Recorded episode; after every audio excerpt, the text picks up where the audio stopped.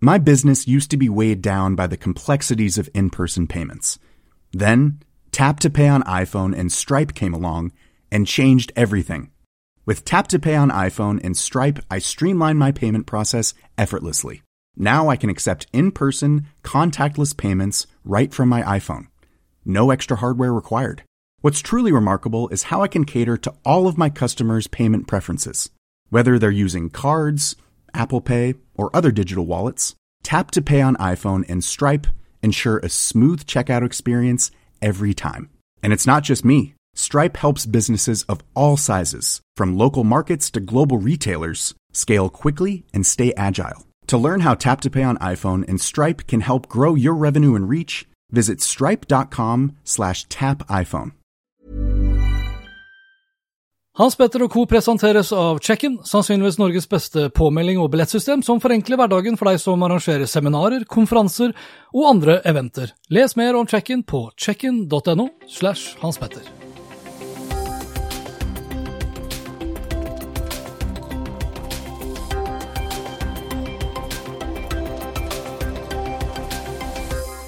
Hei, velkommen til Hans Petter og co. Jeg heter Hans Petter, og denne episoden ble spilt inn fredag 21. august. Det er få jobber som skaper mer bråk og engasjement enn de som tjener til livets opphold som influensere, som da tjener penger på influencer marketing. Mediene de sirkler seg rundt de mest populære influenserne i håp om at de tråkker i salaten, for influensere som driter seg ut, ja, det er klikkgarantister. Uansett, influencer marketing har nok kommet for å bli, om ikke for evig og alltid, så iallfall inntil videre. Og en influenser eller opinionsleder eller en påvirker, ja, det er en person som i kraft av å være kjent, influerer sitt publikum gjennom egne kanaler. Det være seg Facebook, Instagram, Snapchat, YouTube, TikTok osv., eller på sin egen blogg. Og det finnes i dag flere selskaper som livnærer seg på å være leddet mellom en annonsør og en influenser. Det norske selskapet Inspire.me har utviklet en plattform og en tjeneste som i stor grad automatiserer dette mellomleddet, hvor annonsører enkelt kan filtrere seg frem til akkurat den eller de influenserne som passer til et kort eller et lengre samarbeid. Og primus motor bak Inspire.me, ja, det er gjesten min denne gang. Mats Lyngstad er grunnlegger og toppsjef i Inspire.me, som ble etablert i 2016. Mats har også da bakgrunn fra bl.a. Venture Factory og Facebook, og har utdannelse fra NHH. Jeg slo av en prat med Mats for å diskutere influencer marketing, covid-19, influensere som kjøper falske følgere, og engasjement, og som krangler og bråker i influenserleiren, og veien også da videre, ikke bare for Inspire.me, men også for influencer marketing som sådan. God fornøyelse.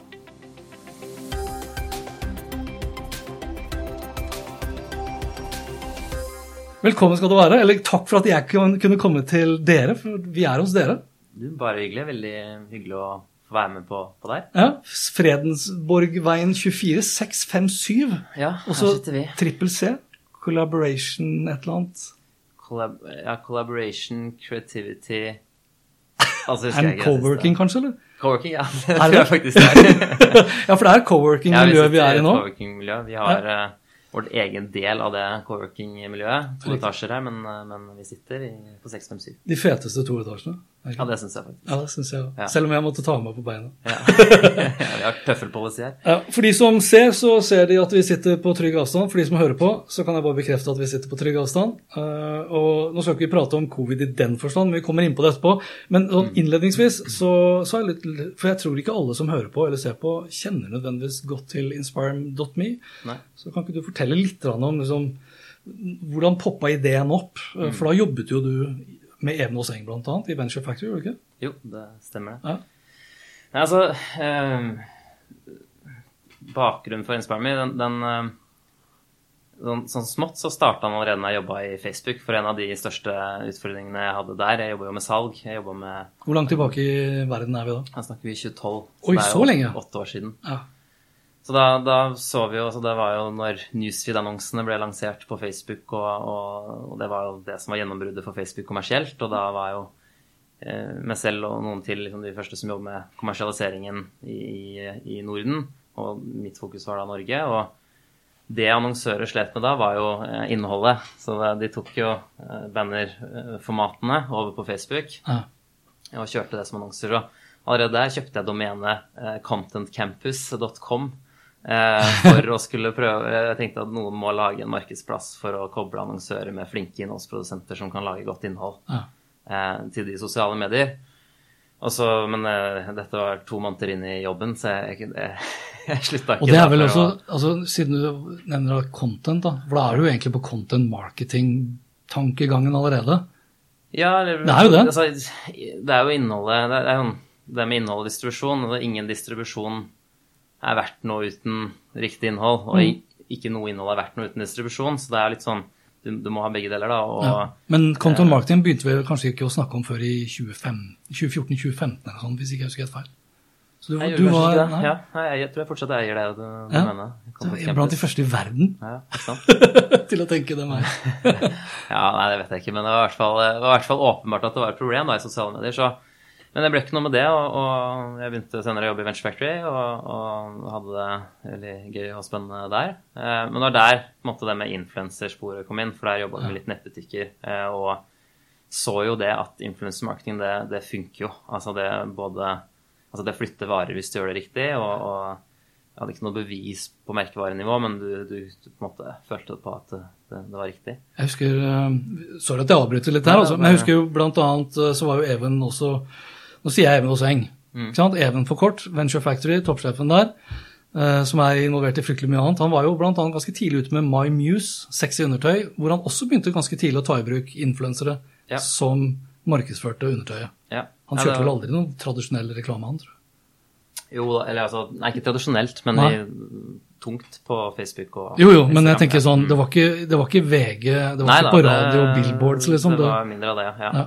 Nei, det var jo blant annet dette av de konseptene hvor man så at uh, det funker jo. Uh, så, så, og samtidig så min medgrunner Marie hun jobba for en tech-startup eller hardware-startup i Boston i USA, hvor eh, de lagde uh, sensorteknologi og bygde en, en eh, babymonitor, altså et klesplagg som, som babyer kunne ha på seg eh, for å eh, vite temperatur og at hjertet slår og, og alt, ja, alt mulig sensordata. Da. ja. Um, så hun har jobba jo da med influensere, ikke sant, og, og ehm, så både mulighetene og utfordringene i, i eh, det spacet. Så 20, høst 2015 så, så tok vi, vi har, Marie og meg selv, vi har jobba sammen og studert sammen, eller vi har studert sammen på NHH og, og jobba sammen med å lage en festival uh, der. Eh, så vi hadde jobba godt sammen før og visste at vi kanskje kunne finne på noe igjen i framtida. Så da tok vi en prat, og begge var liksom på at dette er, dette er et issue for, eh, for flere. Så, så um, starta vi Inspire Me. Men hva, hva er issue, da? Uh, nei, alt, kan man si. Eller Ja, det, det, altså, det er jo Du sa liksom det her med reklame i sosiale medier, men utover det, liksom? Ja, altså uh, issue med, altså Utfordringen med influencer marketing har jo vært at det er vanskelig å skalere opp. Det blir veldig manuelt. Ja. Eh, det er ikke programmatiske kjøp. Ikke sant? Du, du kan ikke Det er ikke som eh, eh, Facebook, eh, AdWords eller, eller programmatisk bannerkjøp ellers. Du, du kan ikke bare liksom sette det opp og trykke på en knapp, og så, og så kjører det. Det er relasjonsbetinga, da. Så, så og det, og det kommer du ikke unna. Men, men det er mye i, når det kommer til influencer marketing som du kan automatisere. Så, så hvis, du, hvis du tenker på en, en prosess, så er det liksom fra det å finne riktige profiler å jobbe med, og så er det, eller å finne profiler er det første steget. Ja. Og så er det å, å evaluere de profilene man finner, altså ha riktig datagrunnlag for å ta beslutninger på om det er en god match for det man prøver å oppnå. Ja. Og så er det å eh, skulle si, få avtaleverket på plass, altså en avtale med den profilen, eh, en brief, forståelse av hva, hva som skal gjøres og oppnås. Og så er det å gjennomføre selve samarbeidet. Eh, og så er det å eh, rapportere på det samarbeidet, men samtidig også da få gjennomført trygge transaksjoner og sørge for at, alt, de, de som, at man får betalt det man skal få betalt. Og så er det skattemessig hensyn i tillegg som kommer inn her. Så det er, det er mye greier. Og eh, du kan automatisere det å Du kan automatisere mye rundt det å finne riktige profiler. Du kan få på plass riktige data for å lettere screene profiler, sånn som er det er litt grunnlaget for den debatten som har gått nå den siste uka. Eh, og så kan du automatisere, eller gjøre det enklere å lage brifen og rammeverkene for, for samarbeid. Du kan automatisere rapporteringen, du kan automatisere transaksjonene. Men du kommer deg aldri unna relasjonsaspektet, altså det, det kommunikasjon, da. Så, så, du kan Masse kan du ta tak i, men til syvende og sist så vil du alltid måtte bygge relasjoner innen influencermarketing. Mm. Eh, og, så det er det vi har forsøkt å gjøre med InspireMe, er å ta eh, end-to-end-stegene og se hva er det vi kan liksom, automatisere rundt kommunikasjonen, eh, og, og, gjøre det, da. Ja, for det, dere, dere, har jo ikke automatisert alt. Dere er, Hvor mange ansatte er dere? Vi er 30 ansatte. Ja. Burde dere vært så mange, liksom, hvis dere automatiserer egentlig det meste? ja, det spørs jo på ambisjonsnivå. Vi er jo ikke et selskap som prøver å, å Altså, vi, vi, Norge er en liten, liten dam. Ja. Så vi, vi, vårt, vårt, marked ser vi på som Europa. Og det er klart, da trenger vi, da trenger vi litt uh, ressurser til å satse, da. Men har dere da liksom folk fra Altså er, er alle ansatte her i Oslo, eller er det folk spredt rundt omkring? Så vi har, altså vi er 30 ansatte. Vi er vel 10 eller 11 nasjonaliteter. Eh, og da har vi 22 som sitter her, og 8 som sitter spredt i Europa. Mm. Så vi har en i London, og så har vi noen i Riga og litt forskjellige land. Ja, For det er jo ikke i Norge dere er størst heller? Eh, jo, det er vi. Ja, okay. eh, altså, vi, det, det er, Norge er hjemmemarkedet. Det er her liksom vi har altså Man har nettverk fra tidlig, tidligere jobb og sånn, så det er lett å, relativt lett å bygge seg opp. da. Ja. Det, det, er liksom tyngre i nye markeder, og, og du starter helt på scratch eh, nettverksmessig. ikke sant? Så det, det med go to market og internasjonalisering, det, det er eh, både spennende og utfordrende, og noe som har slått meg, er ekstremt lite kompetanse på i Norge. Altså Det finnes få personer som kan bidra mye inn der. Så okay. det er interessant. Men det er en annen, annen, annen et annet tema. Hvordan går det da, sånn rent økonomisk med dere? Nei, det går, det går eh, veldig bra. Altså, vi, vi um, Korona traff, og, og all, alle, som, alle, som, selger uh, markedsføring, eller som selger noe innenfor det, uh, denne bransjen, de, de ble hardt straffa av korona, og det ble vi også. Så Eh, altså, det var en grei avslutning på, på, mars, og så var det nesten full stopp i april. Og så henta det seg overraskende bra inn igjen i mai, og så var juni en rekordmåned i omsetning. Så, ja, okay. så liksom det, det, tok seg bra opp igjen, og så er jeg liksom spent på høsten, da, selvfølgelig. Men ja. foreløpig en kickstart på, på august, så um, veldig optimistisk, egentlig. eh, men uh, Er det sales-pitchen, eller er det realitet? nei, det, nei, det er altså Jeg, jeg, jeg er ikke jeg er ærlig om sånt. Så um, Jeg så bare den her eh, For du, siden du er opptatt av influenser eller creator, ja. så du, ser du sikkert på TV2 Zoom og bloggerne. Nei, det ser jeg faktisk ikke på. Hei, gjør du ikke det? Nei, jeg tror de er i gang med 13. sesongen eller noe sånt, og da ja, så jeg bare, jeg, aldri... jeg så bare promovideoen på den siste sesongen. Ja. og Noen av de kommer kanskje inn på, uten at vi skal egentlig gå inn på enkeltindivider allikevel, men da var det sånn En av de var utrolig positive til liksom hva som skulle skje, og så ser du liksom etter hvert som covid-19 treffer, og du fortsetter videre i promo, så er det mye tårer. Mm. For at alt går til H. Ja, okay, Men da er det ja. greit at det kanskje da Jeg også merker jo at det er positivitet å merke, så fremst ikke covid-bølgen treffer oss like, like Nei, altså, og gjør den det, så tror jeg ikke det blir like ille som forrige gang. Nei, det tror så da har både konsumenter og annonsører Eh, et annet mindset og er litt mer forberedt. Og, så det vi så sist, var jo at det var, det var masse annonsebudsjetter som ble skrudd av. Ikke fordi man eh, ikke hadde noe å selge, altså fris, frisørsalonger og osv. Altså mye fysiske eh, butikker, de, de, kunne jo ikke gjøre noe. ikke sant? Ja. Det er naturlig at du skrur av, men det er mye tjenester og, og, og andre typer merkevarer som også skrudde av. Men ikke nødvendigvis fordi de hadde noe dipp i salg eller at det var noe grunn til det. Det var mer sånn man var redd for at det man at man skulle si noe feil. da, Redd for å tråkke feil og, og være uh, usmakelig på et vis. Ja, hadde, den frykten du, tror jeg ikke. Jeg husker, Nå er det vel mindre aktivitet der nå, men det var jo denne Facebook-gruppa til uh, Jørgen Helland bl.a. Som tok ja, for seg covid og, mm. og merkevarer uh, mm, og budskap. Hvordan de, og, ja, ja. hvordan de rett og slett kommuniserte. Ja, Der var nok mange redde, så det var vel så mye budsjetter som ble skrudd av rett og slett fordi man ikke turte å si noe. Og det tror jeg har endra seg nå. Jeg tror liksom ikke de, altså hvis det blir et større utbrudd enn nå, så, ikke, så, har man funnet litt ut av hvordan man kan kommunisere likevel. Eh, og ja, så jeg tror jeg. Men sånn, eh, er det riktig stemmer, stemmer at Skipsted har investert i det? Ja, det stemmer. I fjor Ganske sommer. nylig? Ja, fjor sommer, det er ja. såpass lenge siden. Ja. Ok, Så det, pengestrømmen er grei, og veksten er god? Ja, ja. ja. Vi vokser. Vi, dob, altså, vi, vi, vi, vi ligger an, eller vi ligger foran skjemaet til å doble omsetningen i år fra i fjor. Så på tross av covid, så, og det var målsetningen når vi gikk inn i året, så, sånn sett så går ting bra. Men, mm. Hvilke, hva, er det som, hva er det som gjør at det går bra? Sånn, er, det, er det spesifikke eh, virksomhetssegmenter? Er det spesifikke kanaler? Er det spesifikke influensere? Altså hva, hva som driver veksten?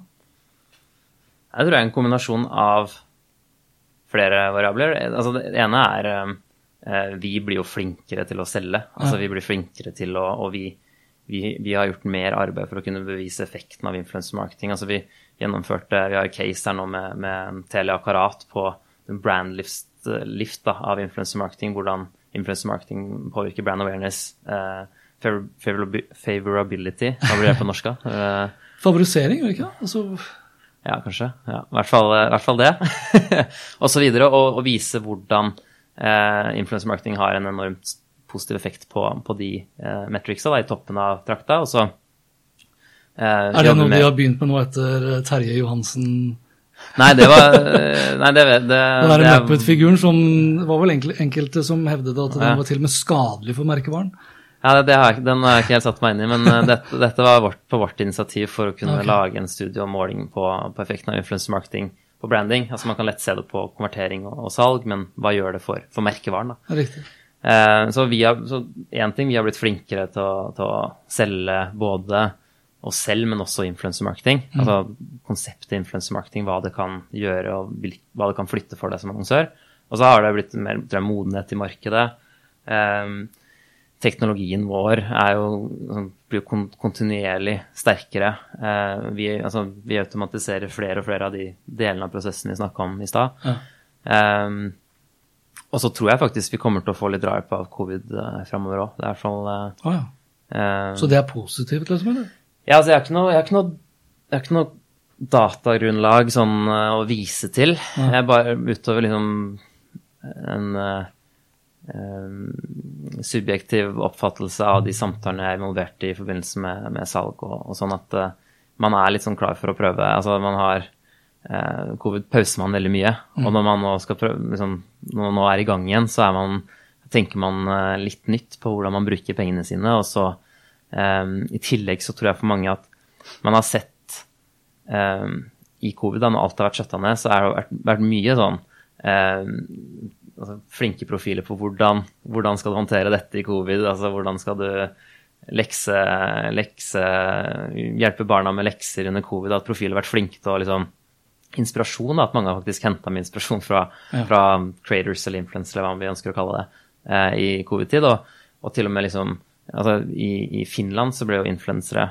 definert som en eh, kritisk eh, yrkesgruppe eh, under covid, på lik linje med, med alt innen kollektivtransport og sykepleiere osv., fordi eh, myndighetene anerkjente at det var målgrupper de ikke klarte å nå uten, å, uten å bruke influensere. Da snakker vi spesielt yngre, yngre målgrupper. Ja. Så- I, I Norge så hadde vi vel problemer med å få definert journalister som kritiske arbeidsgrupper. og Det er Ja, ok, ja, ikke sant. Ja, det er interessant. ja.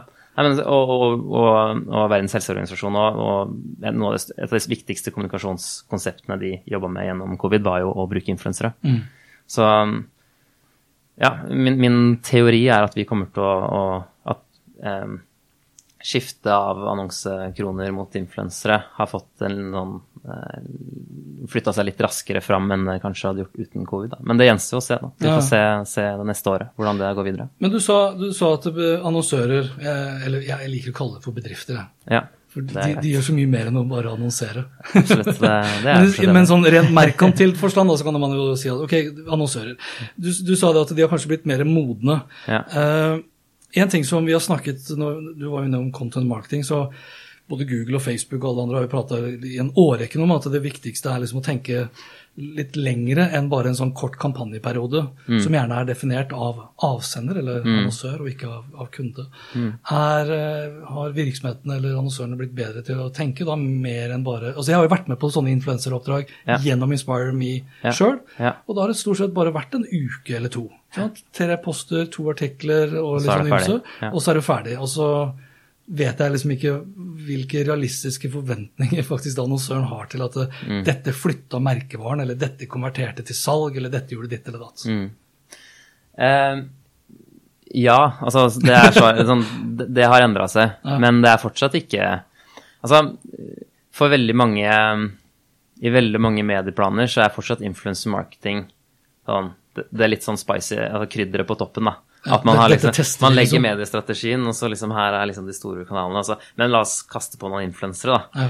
Eh, det er nok eh, realiteten hos veldig mange fortsatt, men vi, vi jobber vi, Altså, vi ser sakte, men sikkert så er det flere og flere annonsører som eh, både selv og med hjelp av oss klarer å integrere influencer-marketing som en del av strategien, og ikke på toppen av strategien. Det, så, så, så det snur seg. Så vi jobber med flere og flere kunder som legger langsiktige ambassadørplaner eller andre langsiktige strategier for influensere. Ja. Så det, det går ikke fort, men det går framover. Ja. Og de som gjør det, de, de er happy. Så Og de som gjør, altså Det er jo veldig naturlig da, at det, som blir anerkjent som strategisk i en virksomhet, det har du gjerne god kunnskap om. Altså, Ja, det For det, det skal du satse på, da vil du gjerne ha liksom maksimal effekt. og Uavhengig om det er produktutvikling eller om det er markedsføring. Mm. Og hvis det er slik som du sier, at det er fortsatt en del som bare hiver det oppå Mm. for å spice det opp eller teste det ut, så er det kanskje derfor vi har den her stormen av og til. da. Mm. Ikke? Fordi da ser du kanskje, da bruker kanskje Inspire Me, og så filtrerer du kun da på antall følgere, eh, og så sjekker du liksom ikke mer på innsikten, og så tester du to-tre to-tre forskjellige personer kanskje over en liten kampanjeperiode. For det er jo derfor jeg også innledet med å si at det har liksom ofte vært synonymt med litt sånn bråk. Jeg har jo vært, sittet i en del av de stormene selv, som juryformann i, i Vixen.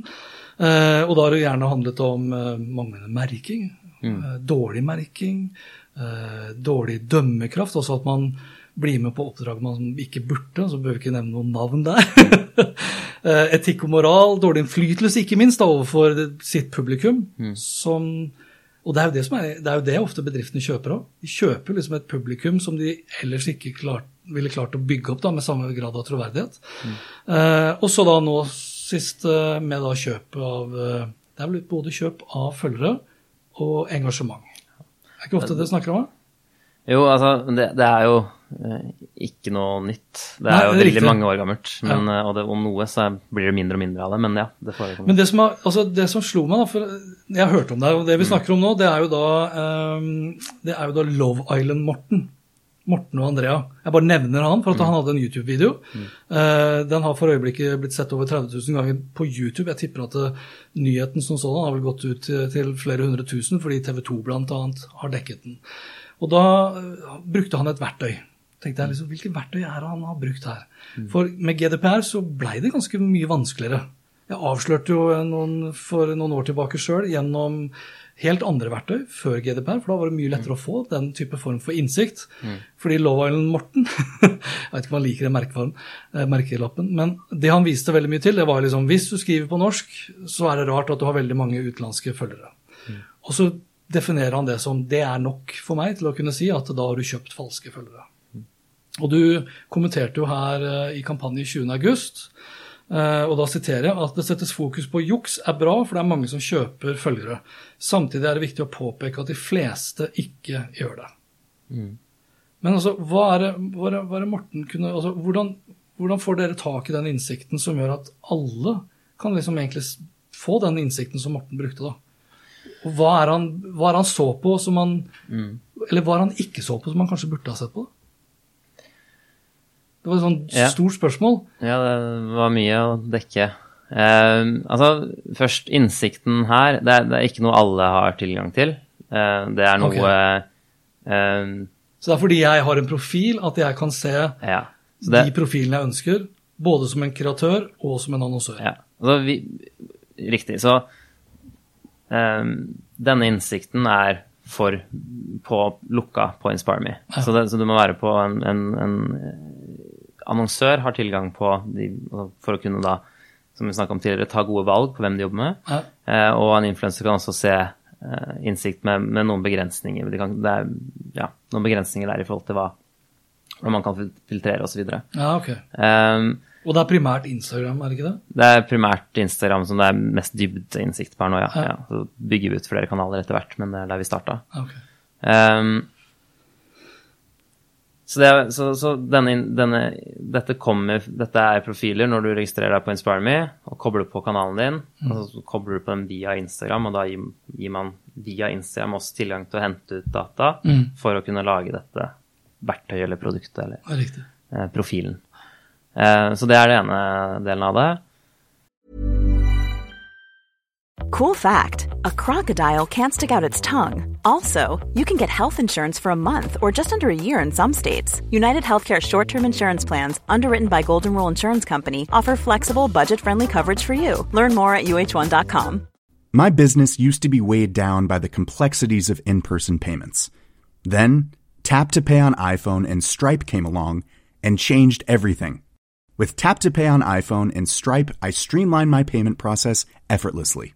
Now I can accept in person, contactless payments right from my iPhone. No extra hardware required. What's truly remarkable is how I can cater to all of my customers' payment preferences. Whether they're using cards, Apple Pay, or other digital wallets, Tap to Pay on iPhone and Stripe ensure a smooth checkout experience every time. And it's not just me. Stripe helps businesses of all sizes, from local markets to global retailers, scale quickly and stay agile. To learn how Tap to Pay on iPhone and Stripe can help grow your revenue and reach, visit stripe.com slash tapiphone. Eh, den andre delen av det er altså falske følgere osv. Og, og um, det, altså, det, forekommer, og det, og det, forekommer mer enn man skulle likt å se, men, men, uh, men det er, som jeg skriver, det, det er ikke De fleste jukser ikke. Og så må man tenke Instagram, da det har hatt en utvikling. Ehm, det er alltid gøy med liksom, Facebook, Instagram, nye sosiale kanaler. Det, det, er alltid mye hacks og mye spennende ting man prøver å gjøre for å liksom, ta en posisjon når det kommer nye kanaler. og det, det har både annonsører og influensere gjort også på Instagram. Man har prøvd måter å få følgere på, ja, ja. Eh, og ikke nødvendigvis kjøpe følgere, men man har kanskje sant, brukt hashtagger, som jeg også skriver om i en kampanjeartikkel, liksom follow for follow. Man har prøvd eh, bots for å liksom følge og avfølge profiler og gi kommentarer for å få en follow back. Altså Man har prøvd mye forskjellige greier da, og det er mm. nok mange influensere i Norge som har gjort. Det er også mange bedrifter som har gjort. Um, ja. Og så er det en modningsprosess, og så skjønner man liksom ok, det, disse følgerne er jo ikke verdt noen ting for meg eller for noen andre. Nei. Så liksom slutter man å gjøre det, og sånn utvikler det seg. Så, så en bedrift eh, f.eks. bør jo da For det, jeg husker jeg skrev om det her for det er to og et halvt år siden omtrent. Ja. For da var det noen andre som også dro til den samme debatten, hvor man betalte dyre penger for fordi vedkommende hadde mange følgere. Mm. Og så fikk man veldig lite tilbake, ja. fordi de samme bedriftene for eksempel, ikke så på engasjementet. Ja. Og det er der jeg tenker liksom, hvis du da bare, hvis du baserer din egen influensekarriere på å kjøpe mm. Bullshit-følgere, hvis vi kan kalle det det, mm. så vil det jo i stor grad også synliggjøres i form av veldig lite engasjement. Vil ikke det? Så ja, ikke ja, du kjøper nei. engasjement? Ja, du kan kjøpe engasjement òg, men, men, la meg sånn, jeg kan komme, komme dit. fordi det vi er opptatt av i Inspire Me, altså influencer marketing og influencer-ordet er um, litt stigmatisert, om det går an å si det, i, i Norge. Og, og um, hadde ikke trengt å være det. Altså, det, det er um, Det er klart, liksom for media og sånn, så er det jo Man skriver om konflikt, man skriver om de som gjør sjuke ting.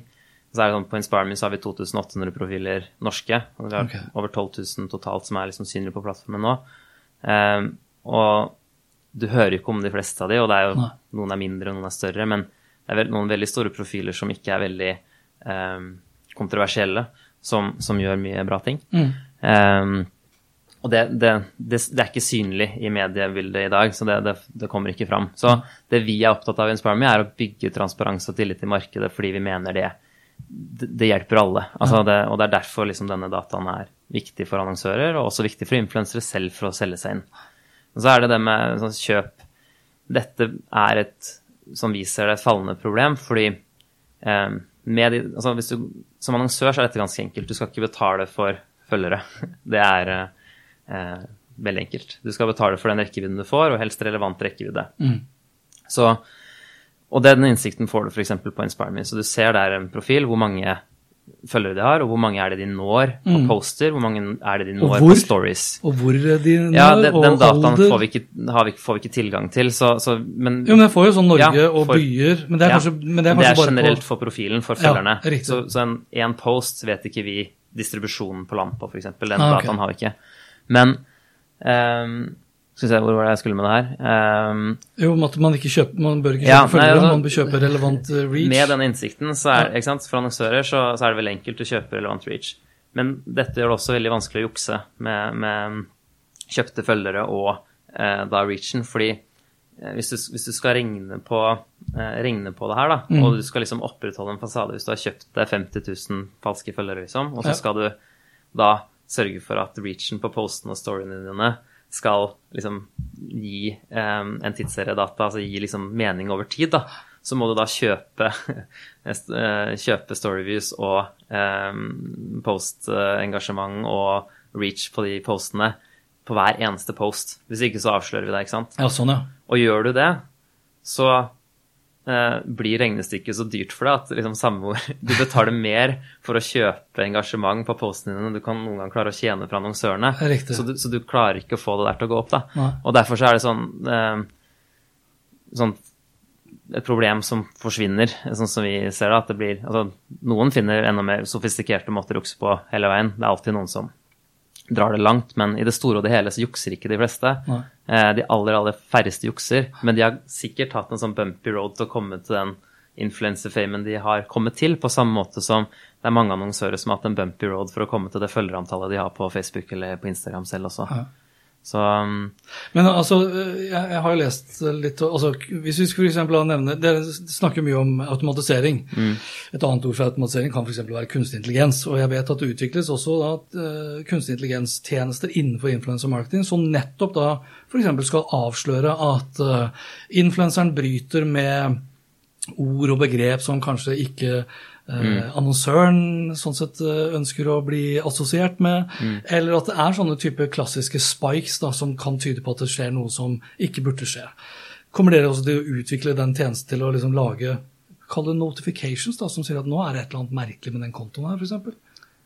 Ja, det har vi. Eh, Ja, okay. så vi på InspireMe, for å Når du registrerer deg som en creator eller influencer på InspireMe, så må du gjennom en review- review-prosess først. Ja. Altså før du blir synlig på plattformen, og før du får bruke våre tjenester. Um, og der har vi automatiserte flagg som flagger liksom uh, signaler, eller signaler som virker mistenkelige, og så tar vi Fordi det kan ofte være eh, noe helt legitimt som ligger bak. Ja, ja. At du, du har vært på TV-program eller du har plukka opp i et medie eller altså det, det, Ja, du har knytta det til en hashtag som plutselig går viralt uten at det hadde noe med deg å gjøre. ja, det, liksom. det er mange grunner til at det kan være naturlige årsaker til, så da går vi inn og sjekker manuelt. Um, så, så der luker vi ut det meste av juks når vi godkjenner profiler. Så kan det være at det jukser etter de har registrert seg på Inspirame òg, men vi, vi, vi har måter å, å sjekke folk på. Så ehm, vi har absolutt blitt lurt, men vi, vi er, blir flinkere og flinkere på å se når folk prøver å lure oss. Nei, også Det er jo helt åpenbart når jeg sitter og ser på min egen profil nå inne på inspire.me, så er det jo helt åpenbart at eh, færre influensere ville ha juksa hvis alle annonsørene hadde vært gode til å liksom se på innsikten. Ja, eller i hvert fall lese innsikt, og lese innsikten riktig, da. Ja, ja, ha kompetanse til å lese innsikten, og det er jo vår jobb òg, da, å sørge for at det er mest mulig lettlest. Ja. Det er jo ikke all innsikt eh, om meg selv her som jeg liker, som jeg liker like mye, da. Nei. Eh, innsikten er jo én ting. Er, jeg, jeg er jo en så, såkalt mikroinfluenser. Og da, vil du altså da er du heller ikke avhengig av mediene og masse bråk i mediene. For det, det er klart, enkelte av de store influenserne har jo tjent penger på at mediene skriver mye dritt om dem. Ja da. Det har de. Eh, og vi har jo i en årrekke snakket om nettopp sånn type mikroinfluensere som en del av den altså mer, Istedenfor å si mikroinfluenser, kan vi kanskje si nisjekreatører. da. Innenfor en Ja, begge deler, Ja, ja. ikke sant? Eh, og jeg er jo en såkalt uh, mikroinfluenser. Og så kikka jeg på personligheten min. Mm. Vi kan jo gå inn på, jeg går inn på den personligheten. Altså, jeg er da eh, skal vi se, Jeg er da mer konsistent enn det er adventures. Altså, hva skal vi si adventures er? er eventyrlysten. Ja. Jeg er jo ikke helt enig i det. Og så er jeg da litt uh, Jeg er ikke så down to earth. Jeg er ganske Jeg foretrekker fakta over fantasy. Det gjør jeg ikke, tydeligvis, da, i forhold til den personlighetsoversikten her. Nei, men den personlighetsdelen Hvordan kommer du fram til det her, egentlig? Det er tekstanalyse. Så bruker vi IBM Watson oh, ja. og, og The Big Five. Eh, underfasetter i The Big Five for å hente ut de dataene. Så dette er en, en integrasjon med IBM Watson for å, for å analysere tekst. Så Altså, det, det som er litt kult, da, det nå avbryter jeg nå, men jeg bruker ofte å si på forhånd at eh, det er viktig å forholde seg til verden slik den er, ikke slik du husker at den var, eller du skulle ønske at den var. Mm. og så kommer det fram, da, for det er noe som heter concrete her, versus da philosophical. Mm. Og på concrete så står det ikke sant, prefers dealing with the world as it is, Mm. rarely considers abstract ideas. Men jeg er jo langt unna der. jeg er mye mer over på det filosofiske plan. Ja. Og det, Nei, men- er, ikke, det er jo ikke meg. Nei. Altså, personlig altså, For å ta bare sånn um, Men det her er basert da på Instagram, da, vel å merke. Dette er basert på Instagram. Ja. Ehm, på denne profilen din da, så har du sant, innsikt om din publiseringsaktivitet, rekkevidde, impressions, engasjement osv. Så, videre. så har du den demografiske dataen med liksom følgere, alder, kjønn, Ja. eh, geografi. Så er det en, en, en del der som er personlighetstrekk, eh, som er basert på den analysen. Og så er det en, porteføljeview portefølje-view der, og du kan sette dine priser og en sånn about section. Den, den, eh, vi, vi gjorde en test på den studien med, med Eller vi gjorde en eh, eh, undersøkelse med influensere på hvor nøyaktig vi klarte å skru den analysen. Ok. Eh, Så naturlig nok så er det eh, som eh, med alt annet som heter eller kaller seg AI og maskinlæring og sånn, så er det feilmarginer og, og eh, Det er jo mye, det er mye riktig her, da. ja. Det, altså jeg er generelt en seriøs person, en, en cheerful. Ja, jeg er jo til dels enig med det. Eh, og så står det og, has a strong desire to have time for himself. Og hvis det er Instagram og de her videoene jeg har lagt ut nå siste halvåret hvor jeg drar på telttur aleine, så kommer jo det veldig riktig fram. ja. Uh, og de teltturene stemmer jo da at jeg også da er skal vi se, the prefers activities that are quiet, calm and safe. Nei, jeg heller mer over det her til excitement seeking. Så det er mye, og jeg er mer også ja, jeg er ganske konsistent og ikke så veldig adventurous. Ja, det er begge deler. Ja. Men for en annonsør så er ikke den personlighetsanalysen den ultimate fasit for hvem man skal jobbe med. Det er, eh, en, eh, det er datapunkter man kan se på og Ja. vurdere med i en eh, Men det kan jo godt telle ganske godt med når man kommer til eh, En bedrift har jo gjerne en personlighet. I hvert fall en eh, et språk og en tone og en fremtoning som altså Jeg må ærlig si at jeg syns jo svært ofte at virksomheter nettopp går sånn som vi sa i stad. De gir F i om det er egentlig en god balanse mellom influenseren og selskapet, og bare ser på hvor mange følgere de kan få ut budskapet sitt, som da, syns jeg, i mange tilfeller også blir levert på en rimelig sånn awkward måte. Ja. Og jeg elsker den der mobiltelefonen der eller et eller annet greier med Ja, det, det er både òg, da. fordi du kan jo si at en merkevare kan jo ønske å flytte kundepreferanse flytte sin merkevareståsted, eh, og at de, Ja. de oppfattes på en måte som de ønsker å endre på. Så de ønsker å finne profiler som ikke er sånn som de oppfattes, Jo, jo. For, å, for å skyve seg Men da er vi tilbake til det jeg sa i stad. Hvis du gjør det da eh, som en kampanje med to-tre poster på Instagram på en Ja, uke det, det, du flytter ikke noe på det. Du flytter ikke en på, Det må være en del av en større strategi. Ja. Det er eh, Og det er vel, altså, og det er jo kanskje det aller viktigste her. altså Om det er profilen som, eller personligheten som stemmer 100 eller ikke, så, så er det jo det det handler om. altså En bannerannonse i gamle dager kunne flytte veldig mye. Jeg vil påstå at eh, en helsides annonse i en lokalavis nå i dag fra Rema 1000 f.eks., med med kjempemange tilbud, konverterer fortsatt som F. Sant? Det kan fortsatt fungere veldig Ja, ja, bra med den gamle absolutt. formen for reklame. Men da er det gjerne også i et lengre perspektiv. Ja, nei, altså, er, du, flytter jo ikke en merkevare over natta uansett, så det, det må være en del av en større strategi, samme hvilke kanaler du jobber med, og, eller hvilke eh, verktøy du tar i bruk. Så altså, influencer marketing, det, det er eh, Jeg kommer tilbake til det vi snakka om siden vi starta Inspire Me. Det er, den influencer kan tilby, det er distribusjon, altså man når et relevant publikum. Så er det kredibilitet, og så er det innholdsproduksjon. Ja. Sant? Og glemte for så vidt å touche på det når vi snakka om hvorfor covid kan være bra for influencer marketing. Det er også det med innholdsproduksjon. fordi det er ikke like lett å dra store produksjoner av innhold rundt omkring i landet i dag. Så vil man ha kule ting fra Lofoten, så kan man jobbe med influenser i Lofoten og få det innholdet man trenger.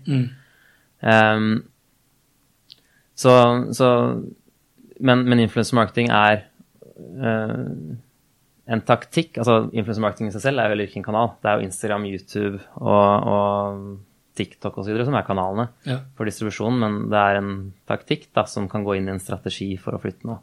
Eh, men, det, men eh, du du, en sånn kampanje som du snakker om, den kan jo flytte noe på, i form av varer på kort sikt. Men skal du tenke på influencer marketing fra et merkevareperspektiv, så, tenke, så er det på samme måte som med andre aktiviteter du gjør, at det, det må være langsiktig. Hva, hva burde jeg gjøre med min egen Inspire Me-profil? For jeg, jeg er jo definert her som eh, altså under kategori teknologi. Mm. Eh, tar jeg da teknologi og norsk språk, så kommer jeg øverst uh, på Inspire Me når det kommer til liksom følger, tror jeg det var. Men uh, hvis det er Instagram som kanskje er det som er den mest populære kanalen, Ja, det er der mest av samarbeidene skjer i dag. ja, ikke sant? Og, og jeg, kan bare, jeg kan jo bare definere meg under én kategori. Ja. Teknologi. Mm. og nå har jeg jo brukt altså Teknologi ligger jo under alt jeg holder på med. Ja. Men sånn Instagram-messig så har jeg egentlig det siste halvåret brukt veldig mye tid på å komme meg ut i naturen. Ja. Så jeg burde kanskje endre fra teknologi til travel eller Du kan vurdere det hvis du føler at det bedre representerer Altså, jeg har ikke, eh, jeg har ikke fått et eneste oppdrag basert på teknologi Nei, på den siste det, tiden. men det er nok den kat... Altså ehm, Burde, burde jeg ikke hatt mulighet til å velge i hvert fall tre kategorier? da? Jeg kan bare velge én. Ja. Du kan Det, det er et godt poeng, det. Det som er grunnen til at vi ikke lar en profil Altså, en profil må definere seg innenfor én kategori, Ja. og kan godt føre at de kunne passe innom, inn, innenfor flere, men det er for å et, Per nå så er det rett og slett for å gjøre det enklere for annonsøren å filtrere. For når de da, hvis du ligger under flere kategorier, og de prøver å finne relevante profiler, og du dukker opp i hver Ja. kategori de leter i, så, så blir de, opplevelsen på den siden ikke så veldig god. Så, så det er bare en Mm. Er en, pragmatisk også. tilnærming på Men dere har, liksom, dere har vel kanskje 10, 12, 13, 14, 15 kategorier eller noe sånt? rundt 10, kanskje. Ja. Ja. Det er klart det er en forskjell på å kunne velge alle ti, og bare velge én. ja da. Nei, men eh, det er god feedback. Vi tar, eh, vi tar all sånn feedback med oss, så det går, eh, går rett inn i, i ja. Feedback-bøtta. Nei, vi har ei feedback-bøtte, vi har en ordentlig prosess på det. Så vi, vi har eh, ja, ordentlige rutiner og hvordan vi bearbeider feedback, og hvordan vi tracker det, og vi, hvordan eh, vi samler feedback for å, for å se om det er et gjengående Ja. problem osv.